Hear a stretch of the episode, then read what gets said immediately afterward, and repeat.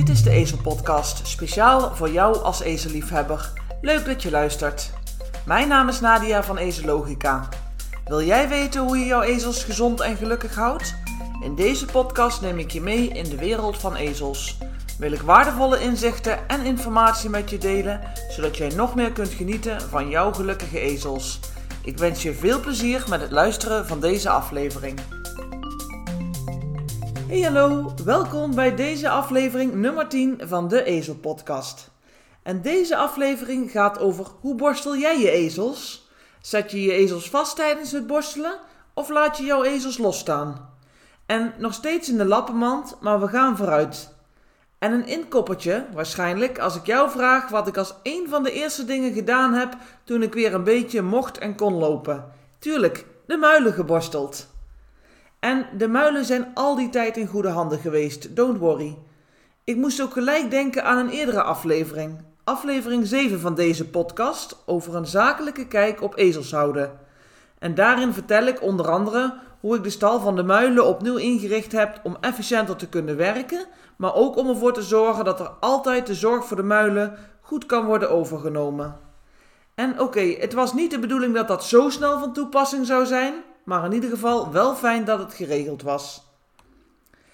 En zo zie je trouwens ook dat in mijn geval muilen, maar in jouw geval ezels, ook anders over dingen kunnen denken dan wij dat doen. Cato vindt altijd alles interessant: vrachtwagens, shovels. Het kan niet gek genoeg. Het is tegenwoordig onmogelijk om de paddock te bewerken in de zin van cultivatoren. En ik weet eigenlijk helemaal niet eens of je dat zo zegt. Wat ik er in ieder geval mee bedoel is het lostrekken van de bodem. Want Cato die springt zowat achterop, of ze steekt de neus er bijna in. En je snapt dus wel, tegenwoordig zet ik de muilen dus apart als we aan de gang gaan. Maar toen ik aankwam lopen op krukken, nou ja, lopen kun je het eigenlijk niet noemen, en ik was zelfs nog wel op een afstandje, deinsde ze terug. De signalen waren echt niet te missen dat ze iets spannend vond. En het eerste wat in mij opkwam was: gekkie, je vindt niks eng en een paar van die stelten zijn ineens doodeng.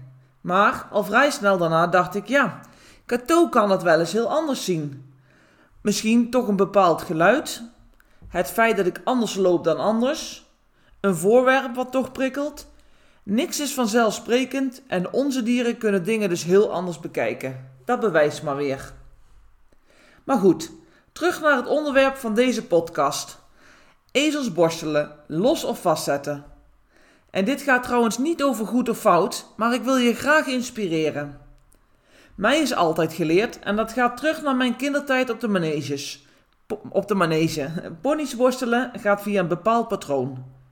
Nu heb ik niet geleerd voor leraar, maar ik zou me kunnen voorstellen dat dit zo aangeleerd is om ervoor te zorgen dat de ponies goed verzorgd worden, niks wordt overgeslagen, kinderen structuur bij te brengen, maar ook een stukje veiligheid.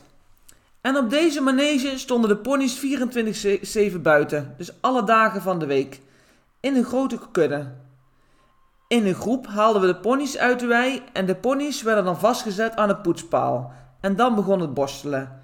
Ik, maar jij, kunt ongetwijfeld voorstellen dat het één groot zootje zou worden en zeker niet veilig als ponies overal los zouden lopen en iedereen zomaar een dotje zou doen.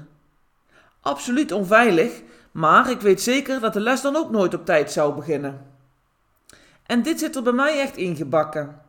Ik heb het altijd voor logisch aangenomen dat je ezels vastzet en dan borstelt. En hier zit bij mij al een paar jaar een flinke verschuiving in. En van de week dacht ik, daar moet ik dus echt een aflevering over gaan opnemen, want misschien herken je dit of zou het voor jou een waardevol inzicht kunnen geven. En dit, dit is iets wat ik nooit bewust heb getraind, maar ik merk dat de muilen dit veel fijner vinden. De muilen staan los met borstelen, ook zonder halster en zo krap ik ook de hoeven uit. En oké, ik moet eerlijk zijn, soms pak ik voor Mina en Cato toch nog een halster met touw. Ze staan dan wel los, maar ik heb dan iets meer controle en dit heeft puur te maken met safety first. Maar dit gaat steeds beter en zo ook deze keer. Cato meldt zich altijd als eerst en ik noem het melden omdat ze echt aankomt lopen, voor me gaat staan en nog net niet zegt: Ja hoor begin maar, ik ben er klaar voor. En aangezien ik nogal van structuur hou, begon ik voorheen altijd links voor, naar achteren, rechtsvoor en naar achteren. Zo alles rondborstelen en verzorgen. De hoeven als laatst. En dit gaat niet meer zo. Cato heeft namelijk haar favoriete plek: haar billen. En het klinkt misschien een beetje raar, maar ik weet dat jij als luisteraar van deze Ezel-podcast je hier ongetwijfeld in kunt herkennen. Cato komt niet alleen aanlopen, maar ze geeft ook aan waar ze het liefst geborsteld wil worden. Meestal dus haar kont, maar soms ook haar schoft of schouder. En met deze plek komt ze dan ook echt voor me staan. Ze wijst nog net niet met haar hoef. Deze plek moet je hebben. En wat doe ik dus tegenwoordig? Daar begin ik met borstelen. En de rest volgt zeker, er wordt geen plekje overgeslagen. Naast dat het dus echt hoort bij de verzorging, heeft het dus nu ook veel meer waarde gekregen dan alleen maar noodzaak. En Cato is altijd een echte knuffelkont geweest, maar voor Moelie is het heel anders. En volgens mij heb ik dat verhaal nog nooit met jullie gedeeld, maar dat ga ik zeker nog een keer doen. Moelie is geadopteerd van de Ezelsociëteit, maar heeft ook een rugzak. En voor deze aflevering laat ik dat verhaal even achterwege, maar kort samengevat, Moelie is niet altijd makkelijk uit de wei te halen en het halster, vooral achter haar oren, blijft ze echt niet prettig vinden. En we hebben hier al veel stappen in gemaakt, maar ik weet bijna zeker dat deze verandering ook veel impact daarop heeft gehad. Voorheen lag de focus op Moelie kunnen pakken in de wei of paddock, om daarna te kunnen borstelen, en nu hebben we dat omgedraaid. Moelie wordt, ja ja, ook graag op haar kont geborsteld. En nu ik hier dus mee begin, zie je haar ontspannen. Haar hele lijf wordt rustig en ze gaat er echt voor staan. Helemaal als het zonnetje lekker schijnt. Je ziet er bijna in doezelen. En doordat ze hier ontspant, kan ik van haar kont naar de rug, de buik, weer terug naar de kont en vervolgens ook de hals borstelen. En afhankelijk van hoe dit gaat, wisselen we dit meer of minder af. Het is dus echt maatwerk. Ze staat los zonder halster en hier is het dus ook echt sprake van quality time. Ook de hoeven krab ik uit zonder een halster. En tegenwoordig is het dus ook zo dat Moelie zich steeds vaker meldt. Uit eigen initiatief in plaats van weglopen. Of alles maar ondergaat omdat het nou eenmaal moet gebeuren. En hoezo zijn er meerdere wegen naar Rome? Dat blijkt maar weer.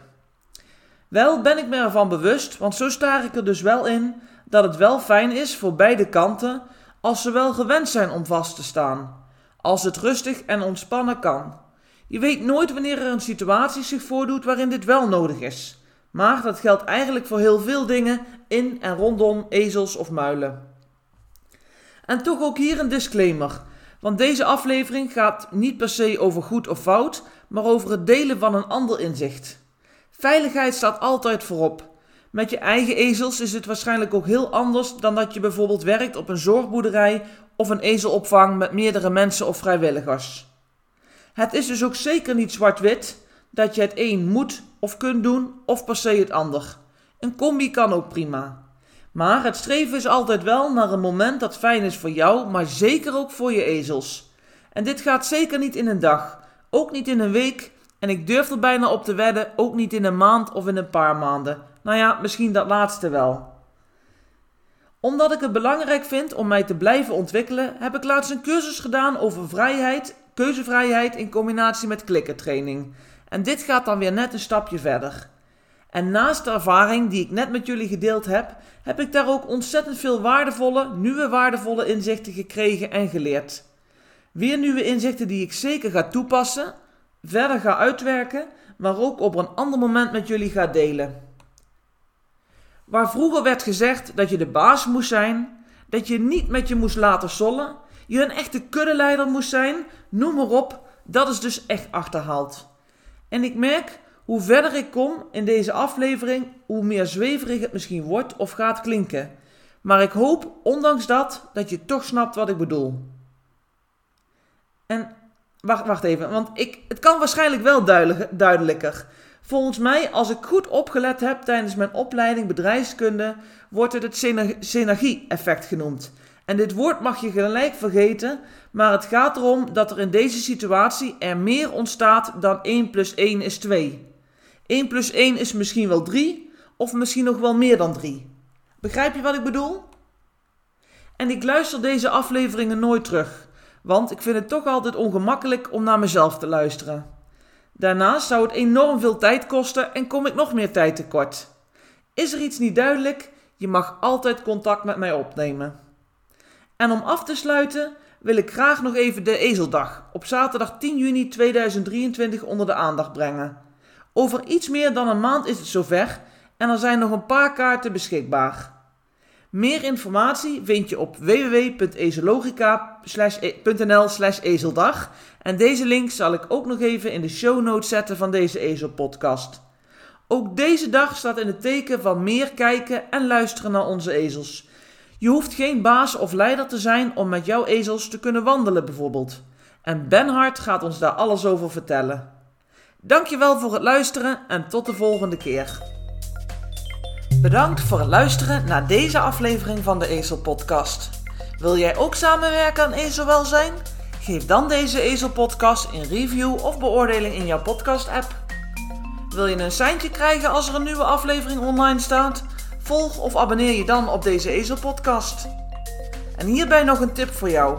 Twee keer per jaar verschijnt het Ezel Magazine, het leukste ezelmagazine van Nederland en België. Meer informatie over dit magazine vind je op www.ezelogica.nl schuine streep ezelmagazine. Tot de volgende keer!